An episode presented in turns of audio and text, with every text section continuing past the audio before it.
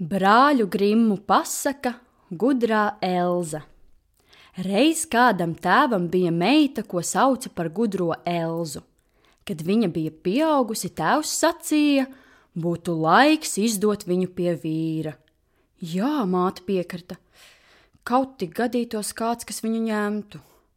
Beidzot no tālienes ieradās kāds vīrs, ko sauca par Ansi un bildināja Elzu gan piebilstams, ka precēšot viņu tikai tad, ja tā izrādīšoties izmanīga un attapīga. Nu, prāta viņai netrūkst, tēvs sacīja, un māte piebalsoja, viņa manīs pat vēju paskrienam gar pakšķiem un dzirdēs mušu nošķaudāmies.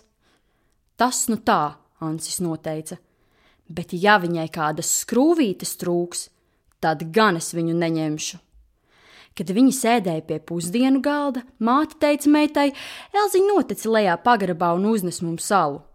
Gudrā Elza paņēma no plaukta krūzi un kāpa lejā pagrabā, pa ceļam klaudzinādama krūzes vāku, lai nekļūtu garlaicīgi. Pagrabā viņa nolika mutes priekšā soliņu, lai nevajadzētu liekties, nesāktu sāpēt mugura vai nepiemestos kāda negaidīta kaita. Tad viņa piestūma krūzi ar kāju pie muces, attaisīja spundi, un kamēr alus tecēja, lūkojās apkārt, lai acis nestāvētu dīkā. Tā visus kaktus izskatījusi, viņa pamanīja sev virs galvas mūrī iecirstu kapli, ko mūrnieki tur bija aizmirsuši. Nu, gudrā Elza apsēdās un sāka prātot: Jā, nu es apprecēšu Ansi, un mums piedzims bērns, un tas izaugs liels, un mēs viņu sūtīsim lejā uz pagrabu pēc alus, Tad taču tas kaplis var uzkrist viņam uz galvas un viņu nosist. Tā viņa sēdēja un pilnā kaklā raudāja par gaidāmo nelaimi. Tikmēr ēdāja gaidīja alu, bet gudrās elzas kā nav, tā nav. Tad saimniece teica kalponei: Noteci lejā pagrabā un paskaties, kur elza paliek, ka nenāk augšā. Kalpone nogāja pagrabā un atrada elzu raudam pie alus krūzes. Elza, par ko tu raudi? Kalpone vaicāja. Kā lai es neraudu? Elza atbildēja. Iedomājies, ja nu es apprecēšu Ansi, un mums piedzims bērns, un tas izaugs liels, un mēs viņu sūtīsim uz pagrabu pēc alus, tad tas kaplis var uzkrist viņam uz galvas un viņu nosist. Ir gan mums tā Elza gudra, iesaucās kalpone. Nosēdās viņai blakus un arī sāka nelaimi apraudāt. Tikmēr augšā, kad kalpone arī neieradās un ēdējiem sāka slāpt, saimnieks sacīja mātei: Nu, vai pagrabā un paskaties, kur Elza paliek? Māte nogāja lejā un atrada abas divas skaļi vaimanājam. Kad viņa prasīja, kas noticis, Elza atbildēja: Kā lai mēs neraudam? Jā, nu es apprecēšu Ansi, un mums piedzims bērns, un tas izaugs liels, un mēs viņu sūtīsim uz pagrabu pēc alus. Tad tas kaplis var uzkrist viņam uz galvas un var viņu nosist. Kur mums tā Elza tik gudra? Māte iesaucās, apsēdās blakus un raudāja līdzi. Tēvs augšā brīdi nogaidīja, bet, kad māte nenāca un dzert gribējās aizvien vairāk, sacīja: Būs jānoiet man pašam pagrabā un jāpaskatās, kas tur notiek. Viņš nogāja pagrabā un redz, visi sasēdušies rindā un raud ko māk. Kad viņš uzzināja, ka tam par iemeslu Elzas bērns, kas varētu kādreiz nākt pasaulē un ko varētu nosist kaplis, ja tas uzkristu viņam uz galvas, kad tas apsēstos pagrabā pie alus mucas, tad arī tēvs iesaucās: Ir gan mums tā Elza gudra, un raudāja visiem līdzi. Līga vairs labu laiku sēdēja istabā viens pats, bet, kad neviens nenāca atpakaļ, tad nodomāja, ka arī viņam vajadzēšot noiet pagrabā, jo šie varbūt viņu tur gaidot. Viņš nokāpa lejā un atrada visus četrus rindā sasēdušus gauži, jo gauži raudam un vaimanājam citu par citu skaļāk. Kāda nelaime jums notikusi? viņš jautāja. Ak, mīļais Ansi, Elzi iesaucās. Ja nu mēs būtu apprecējušies, un mums piedzimtu bērns, un tas izaugtu liels, un mēs viņu sūtītu uz pagrabu pēc alus, tad tur tas kaplis, ja tas kristu lejā, varētu uzkrist viņam uz galvas un nosist viņu. Kā lai mēs neraudam par to? Nu, vairāk prāta manai saimniecībai arī nav vajadzīgs, Ansis noteica. Ja tu esi tik gudra, Elza, tad es tevi precēšu. Un viņš paņēma Elzu pie rokas, uzveda augšā un viņi nosvinēja kāzas. Divi kazaki gāja reiz pa stepi. Pagadījās pa ceļām koks, un viņi apsēdās pavēnī atvilkt alpu. Viens trinkšķina bandūru, otrs klausās. Te uzreiz viens ierunājās: Vai, brālīt, nu ir slikti! Nāve nāk! Stepē raug viss jau iztālēm pamanāms. Un kas tad ir? Otrs atsaka.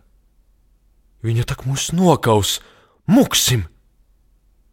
Nē, brālīt, kazakiem mukt neklājās. Karsts arī kā ēlē, ko tādā veica daudz paskriesi. Sēdēsim kā sēdējuši, vienreiz vien pasaulē esam nākuši, vienreiz vien arī jāmirst. Nu, ja tā, tad tā. Sēdabi, pienāk nāve un saka: Labi gan, ka es jūs pasaules klaidoņus satiku, Nu, būsiet gana dzīvojuši un priecājušies, gana zīdas vārkus valkājuši, saldu vīnu baudījuši. Nu, es jūs no pasaules aizvadīšu, ar izskapti galvu nocirtīšu. Cērt, cērt, viens kazaks atbild, tas ir tavā ziņā, tavā vaļā. Tikai atļauj man, žēlīgā kundzene, pirms nāves pīpi pakūpināt. Labi, nāve saka, ja jau tu mani par žēlīgo kundzeni nogodāji, tad pīpē vesels. Kazaks izvilka no kabatas pīpi un tad nu kūpināja, kā kūpināja. Tabaka viņam bija varen stipra, un kā sāka dūms kūpēt un smirdēt, tā nāve neizturēja, pakāpās tālāk nost. Tavu nelabu dūmu, viņa saka, kā tu tādu nejaucību vari pīpēt? Ko lai dara, Kazaks atteicis?